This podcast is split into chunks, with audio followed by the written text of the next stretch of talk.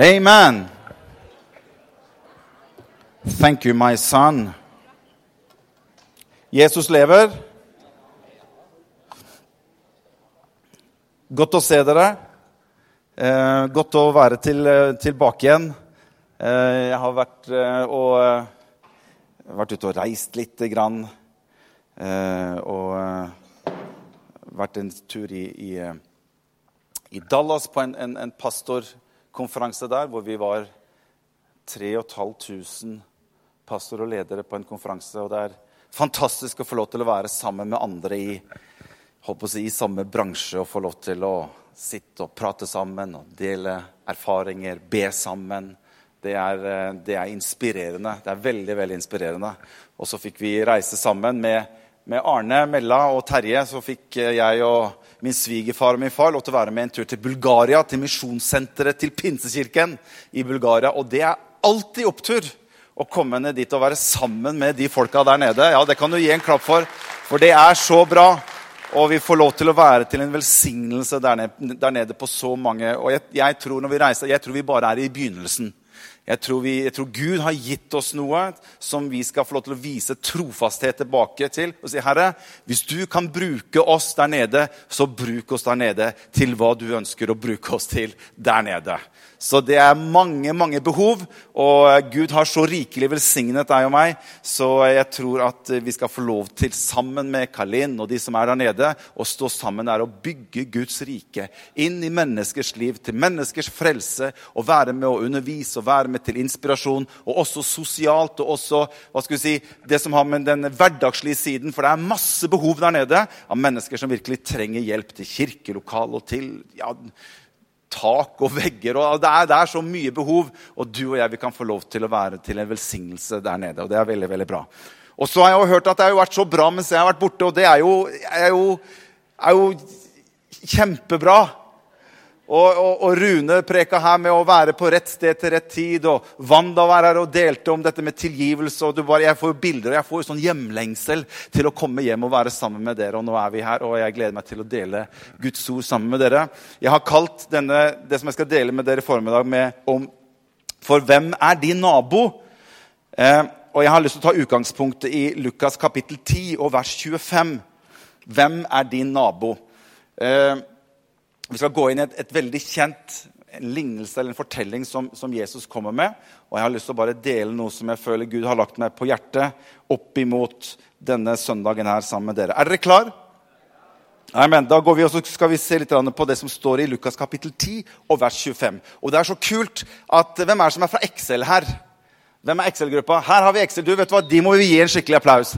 De de vil være liksom her inne sammen med oss eh, voksne karer og jenter og gutter. og være her sammen med oss. Det er kjempebra at dere er her og heier på meg når jeg skal dele Guds ord. Det liker jeg veldig bra også. Så vi skal lese fra vers 25 og kapittel 10. Denne har mange av dere hørt før. For der står det Da sto en lovkyndig fram Altså En lovkyndig det, kunne, det kan vi oversette også med Vi ville sagt en advokat. ville vi sagt i dag. En lovkyndig det var en som var ekspert i Moseloven på den tiden. her. Det står at det sto en lovkyndig, en advokat, fram, og han ville sette Jesus på prøve. 'Mester', sa han, 'hva skal jeg gjøre for å arve evig liv?' Og Så sier Jesus, 'Ja, men hva står skrevet i loven, da?' 'Hvordan leser du den?' sier Jesus tilbake. Han svarte, 'Du skal elske Herren din Gud av hele ditt hjerte og av hele din sjel' og av all din kraft og all din forstand og din neste som deg selv. Da sa Jesus, 'Du svarte rett. Gjør det, så skal du leve.' Det Jesus egentlig sier til denne, til denne mannen, her, at du trenger egentlig bare å leve 100% fullkomment perfekt. Så kommer ikke du til å trenge noen redningsmann eller noen frelser. Da kommer du til å få leve. Men denne advokaten eller den lovkyndige, han skjønte jo at det er jo helt umulig. Og det er på en måte som Jesus liksom sier tilbake til han, bingo. Det er helt umulig. Men hvis du greier det, så kan du leve sånn. Og så står det videre For det virker nesten som denne advokaten her at Nå har vi kanskje noen advokater, skal jeg være litt forsiktig med, med Men det virker som denne advokaten han vil prøve å finne en utvei likevel. på denne problemstillingen som han står i. For helt tydelig så var denne advokaten her, han hadde gått rundt og tenkt litt på dette her. Fordi de spørsmål som dukker opp her, er liksom, for han tenker liksom dette her med evig liv. og, og hva, hva, hva, Jesus hadde snakket om evig liv, og han kom på en måte til Jesus før. Liksom, Jesus, hva, skal jeg gjøre for, for at For jeg vil gjerne ha evig liv. Det vil jeg gjerne. Og Jesus svarer han tilbake, og så finner han ut ja, men det her er jo helt umulig. Jeg greier jo ikke det å leve evig. Men så prøver han seg liksom en runde til, for det står her at men han, den, advokaten ville gjerne rettferdiggjøre seg selv. Og så spør han Jesus, men hvem er så min neste? Eller hvem, hvem er min nabo? Og så står det Da sa Jesus Han tok opp dette og sa En mann var på vei fra Jerusalem ned til Jeriko. Da falt han i hendene på røvere. De rev klærne av ham, skamslo ham og lot ham ligge der halvdød. Legg merke til hva som står der. Nå traff det seg slik at en prest kom samme vei. Han så han, men gikk utenom og forbi. Det samme gjorde en levitt. Han kom, han så mannen også, og gikk rett forbi. Men en samaritan som var på reise, kom også dit hvor han lå. Og da han fikk se han, fikk han inderlig medfølelse med han. Han gikk bort til han, helte olje og vin på sårene hans og forbandt dem. Så løftet han mannen opp på eselet sitt og tok ham med til et herberge og pleiet ham. Neste morgen tok han fram to denarer, ga dem til verten og sa, 'Sørg godt for han.' Og må du legge ut mer, så skal jeg betale deg når jeg kommer tilbake. Og Så sier Jesus til denne advokaten, 'Hvem av disse tre synes du nå viste seg som en neste for ham som ble overfalt av røvere?' Han svarte, 'Den som viste barmhjertighet mot han.' Da sa Jesus, 'Gå du og gjør som han. Amen. Far, jeg takker deg for dette ordet. At det skal skape noe i oss i formiddag, i våre hjerter. I Jesu navn. Amen.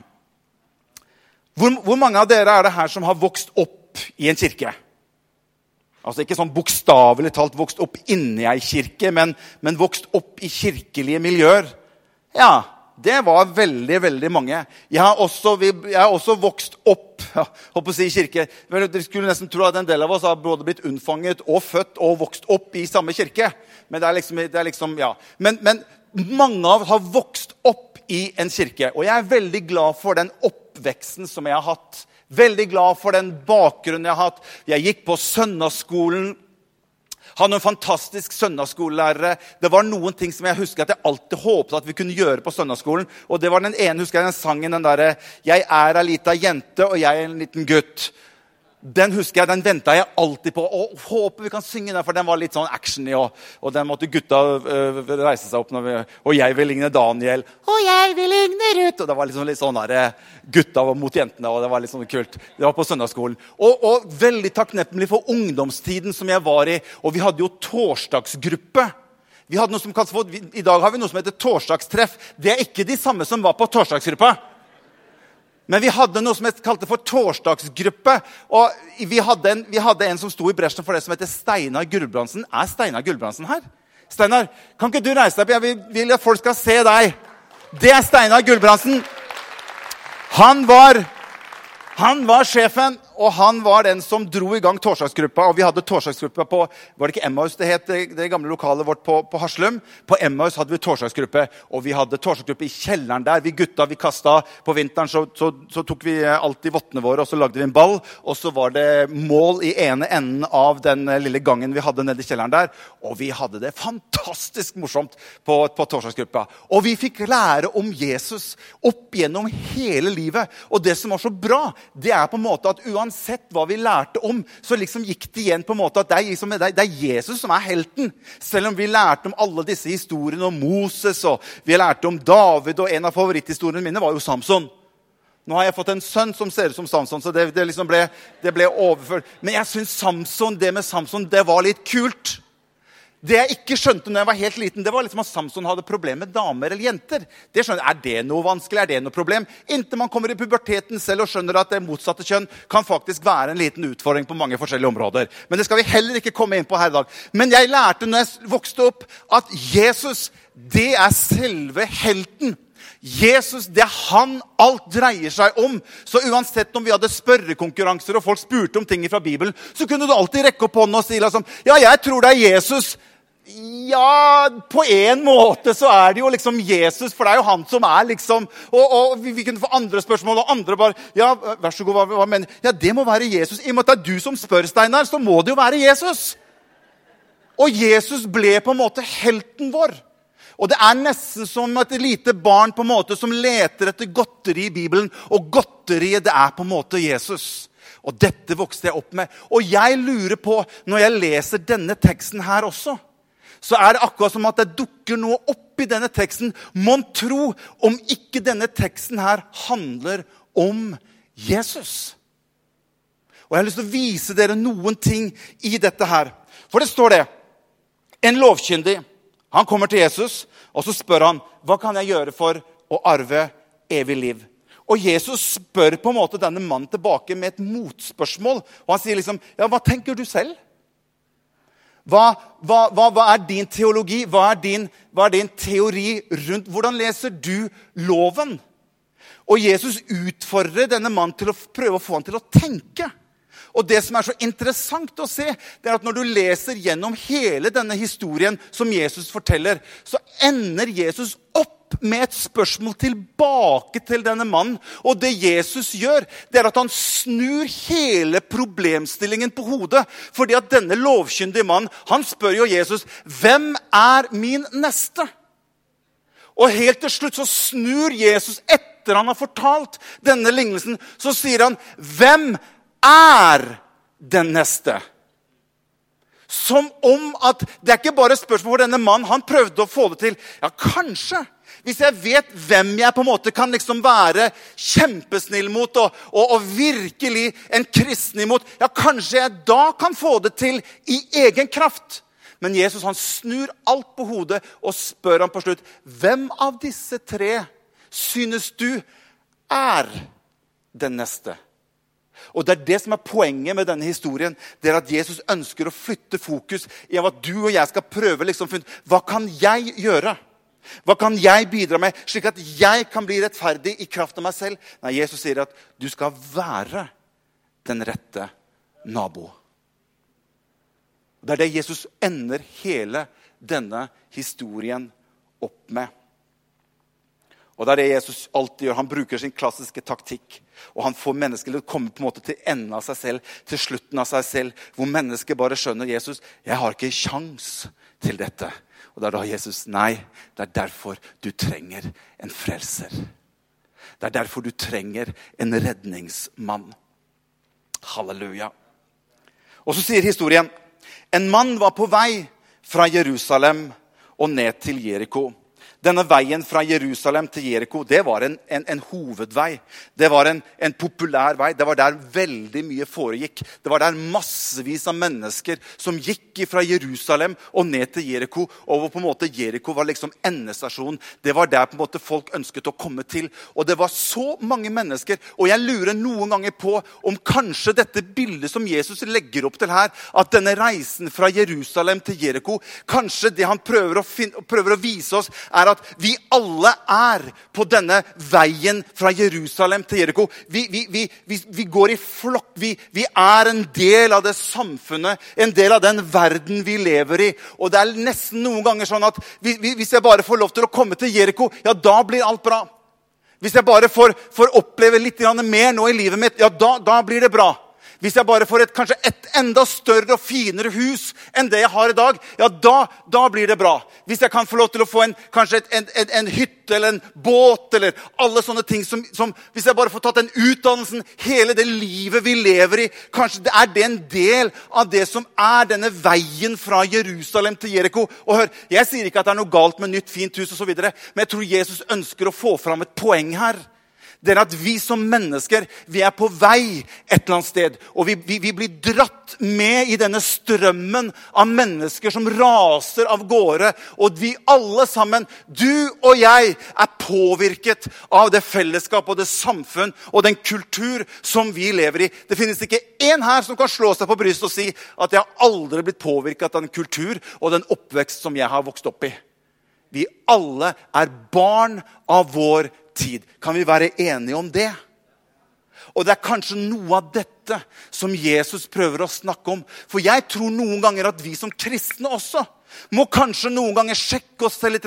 Hvordan er jeg i forhold til denne reisen fra Jerusalem til Jeriko? For Bibelen er veldig krav på at vi skal jo ikke til Jeriko, vi skal jo til et annet Jerusalem. Vi er jo egentlig bare på vei igjennom her. Og kanskje er det noe som Jesus prøver å poengtere. At vi må ikke bli for opptatt med alle de ting som skjer langs veien her nede, sånn at vi mister fokuset av hvorfor vi er her. Vi har et annet Jerusalem vi skal til. Jesus sa, 'Jeg ber ikke om at du skal ta dem ut av verden', men jeg ber om at du skal bevare dem i denne verden som vi er i. Og Mange av dere vet at Billy Graham han døde for kort tid siden. Og jeg, jeg må si Billy Graham han, han, har inspirert meg mye. Jeg, jeg, Ganske ung så satt jeg og hørte taler av Billy Graham. Og jeg, jeg hoved, hoved liksom, når, når, det gikk mot slutten der, og de begynte å synge den sangen, den der, 'Just As I Am', og jeg begynner å se alle disse menneskene som setter seg i bevegelse, og som begynner å komme fram og ta imot Jesus til frelse. Det, det inspirerte meg, og det har alltid inspirert meg. Men Billy Graham han sa noe som jeg synes var veldig veldig bra. Han sa at en dag så vil du lese og høre at Billy Graham er død. Og så sier han, ikke tro ett ord av det. Jeg vil være mer levende enn det jeg er nå. Jeg har bare byttet adresse. Jeg har gått inn i Guds nærhet. La oss ikke bli så fanget opp på denne veien fra Jerusalem til Jeriko at vi mister blikket av det vi er satt her for å gjøre. Og det er noe av det Jesus gjør i denne fortellingen som jeg syns er så fantastisk. For det står, at, det står at det var en mann som ble slått ned av røvere. Bibelen sier ingenting om hvem denne mannen er. Men kanskje denne mannen er et bilde på hele menneskeheten. Kanskje denne mannen er et bilde på deg og meg som, som, som, som lå der halvdød, og som trengte en frelser. Kanskje det er et bilde på hele menneskeheten for det går an å være levende på utsiden, men død på innsiden. Og så mange mennesker som går rundt og er halvdøde. De, har, de, lever på utsiden, men de er døde på innsiden. Og det var denne mannen som lå langs veien, og han var halvdød, sier Jesus. En prest kommer, en som var et bilde på, på loven, som ser denne mannen, men loven kunne ikke hjelpe denne mannen i det hele tatt. Og det kom en levitt forbi. Han så mannen.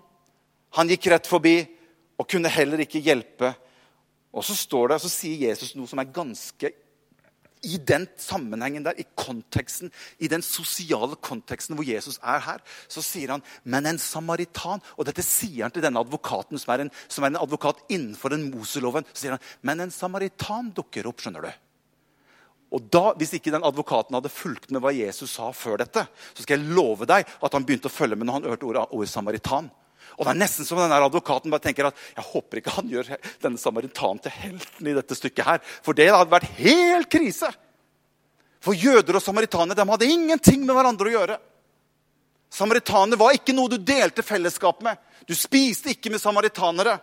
Du snakket i hvert fall ikke til en samaritaner, og i hvert fall ikke som en mann til en kvinne. Nettopp det Jesus gjør med kvinnen ved brønnen. Og Så sier Jesus, men en samaritaner dukket opp. Og Jeg vet ikke om Jesus prøver å poengtere og si kanskje denne samaritaneren her er et bilde på Jesus. En som ikke var velkommen blant sine egne. En som var utstøtt. For det er noe i teksten her som jeg syns er så fantastisk. For det står en samaritan som var på reise, kom også dit hvor han lå. Og det står og da han fikk se han, fikk han inderlig medfølelse med han.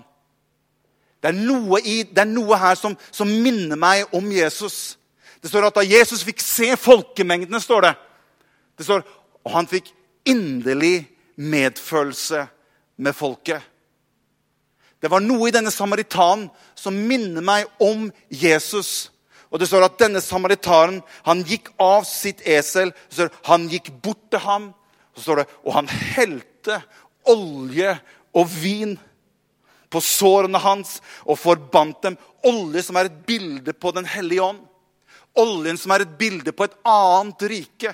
Og vin som er et bilde på den nye pakt, hvor Jesus sier at dette blod er en nye pakt. Dette er det som, som kommer til å være det som kan frelse mennesker og rense mennesker fra synd. Det er dette den samaritan kommer bort, og så heller han går ned. Og så tar han og så steller han denne mannen som lå langs veien, og heller olje og heller vin på han. Og det står, og så løftet han mannen opp og satte han på sitt esel. Det ligner veldig på Jesus.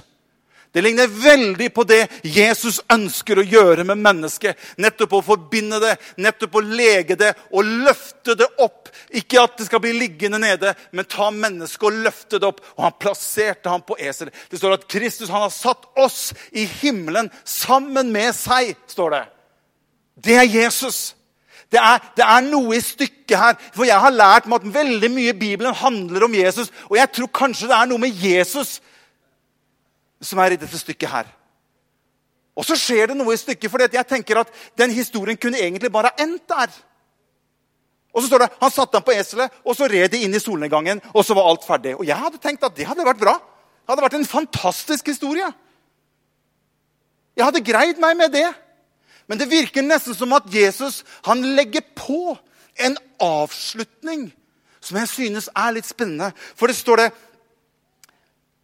Og Jesus eh, løftet mannen opp på eselet sitt og tok ham med til et herberge og pleiet ham.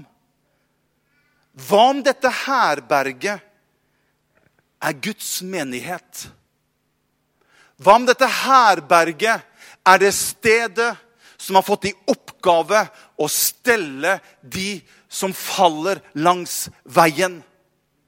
Hva om det er det som du og jeg er kalt til? Hva om det er det som Jesus prøver å poengtere i stykket her? At det herberget som denne samaritan tok han til, det er Guds menighet. Det er der mennesker skal få lov til å bli pleiet.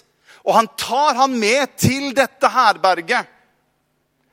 Og han stiller ikke noe spørsmål engang til denne mannen som han tar med. Ja, Hva er årsaken til at du har uh, falt? Vi vil gjerne vite litt hva som er uh, årsaken her. For En del mennesker gjør en del ting som bare gjør at det, det resulterer bare i, i, For syndens lønn, det er, det er døden og, og, huff og huff og huff. Så vi, vi, vi, må, må, vi, må, skille ut litt her.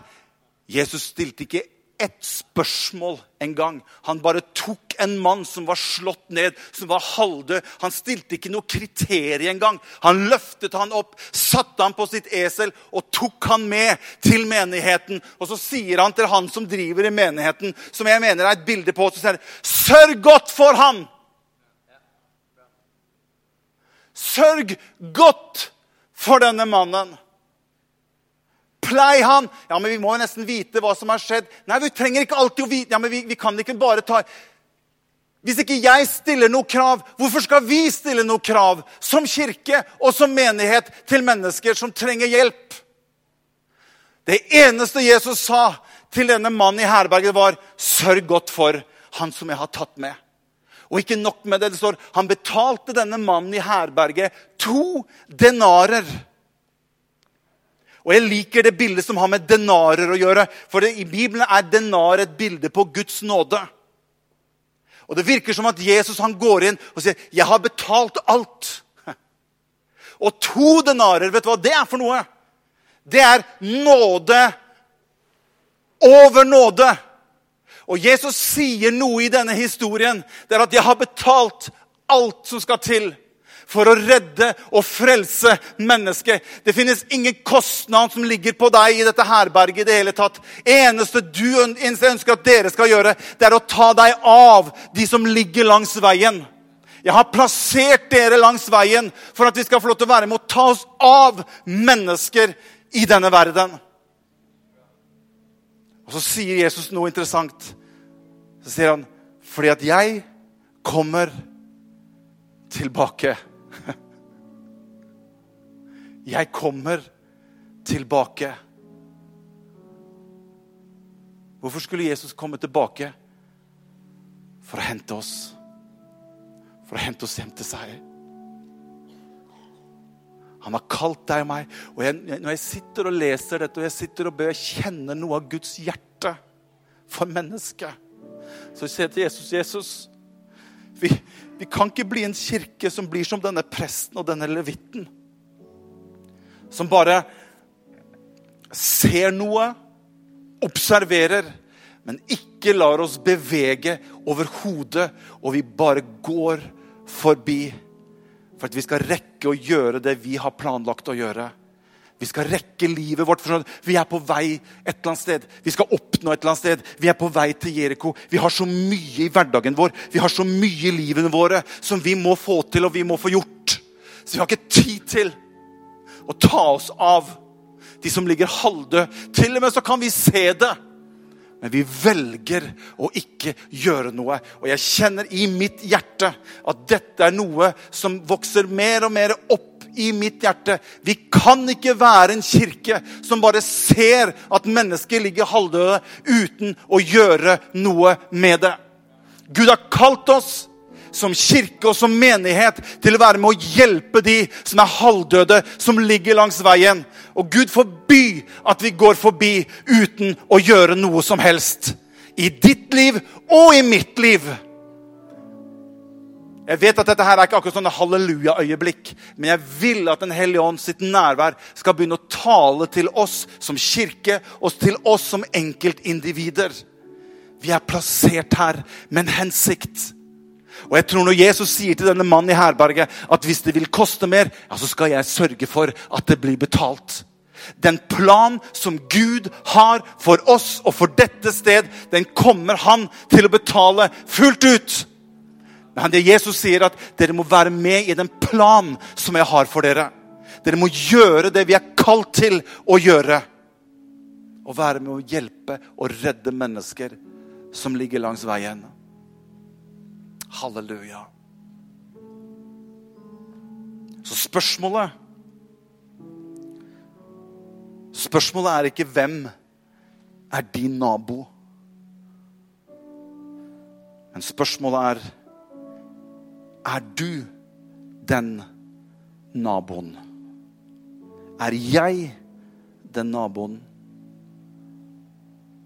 som mennesker kan få lov til å få hjelp igjennom? Og jeg tror det fins massevis av mennesker rundt oss som trenger den hjelpen vår, som trenger den oppmuntringen vår, som trenger denne velsignelsen fra oss. Som trenger noen gode ord. Som trenger kanskje at vi tør å, å, å bryte litt grann av denne komfortabelheten vår i livene våre. Og tørre å gå litt mer ut på dypere vann i vårt eget liv og tørre å være denne gode samaritaneren for mennesker. Og jeg skal love deg en ting. At hvis du og jeg begynner å dele ordet fra evangeliet til mennesker, så er det en Guds kraft til frelse. Men de tror ikke, for de har ikke hørt. Og jeg er for bønnemøter, og jeg er for at vi skal be, og jeg er for at vi skal be, og jeg er for at vi skal be. Men jeg tror at like mye så må vi gjøre det Gud har bedt oss om å gjøre. Vi er nødt til å fortelle mennesker om hvem Jesus er. Ikke med fordømmelse, men for at han kan få lov til å helle olje og vin på sår.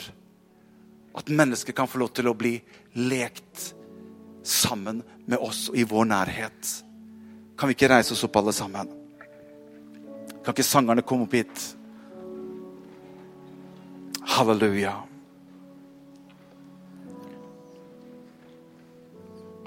Halleluja. Jesus.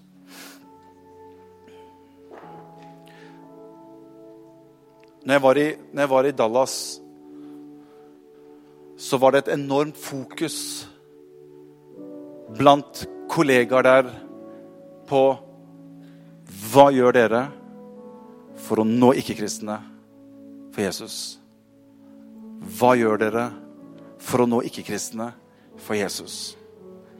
Og jeg kjenner noen ganger at jeg blir litt Jeg, jeg, alltid liker det spørsmålet fordi det, det, det, treffer meg. For jeg, jeg, kjenner noen ganger at kanskje vi kunne gjort litt mer. Kanskje jeg kunne gjort litt mer.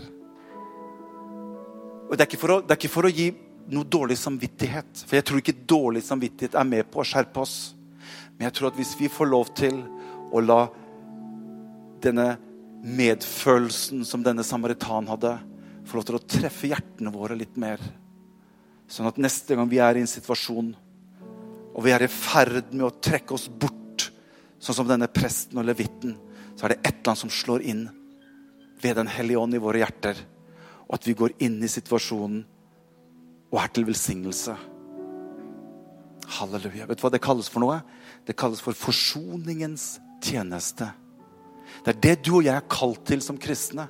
Det er å forsone andre mennesker med Kristus. Vi blei forsonet. Og det er jobben vår å forsone andre mennesker med Jesus. Men vi er så redd for at naboen skal himle med øya. Å, ja, er du en av de? Ja, akkurat, ja. Men hva så? Vi kommer så mye lenger og lenger og lenger ned på den veien.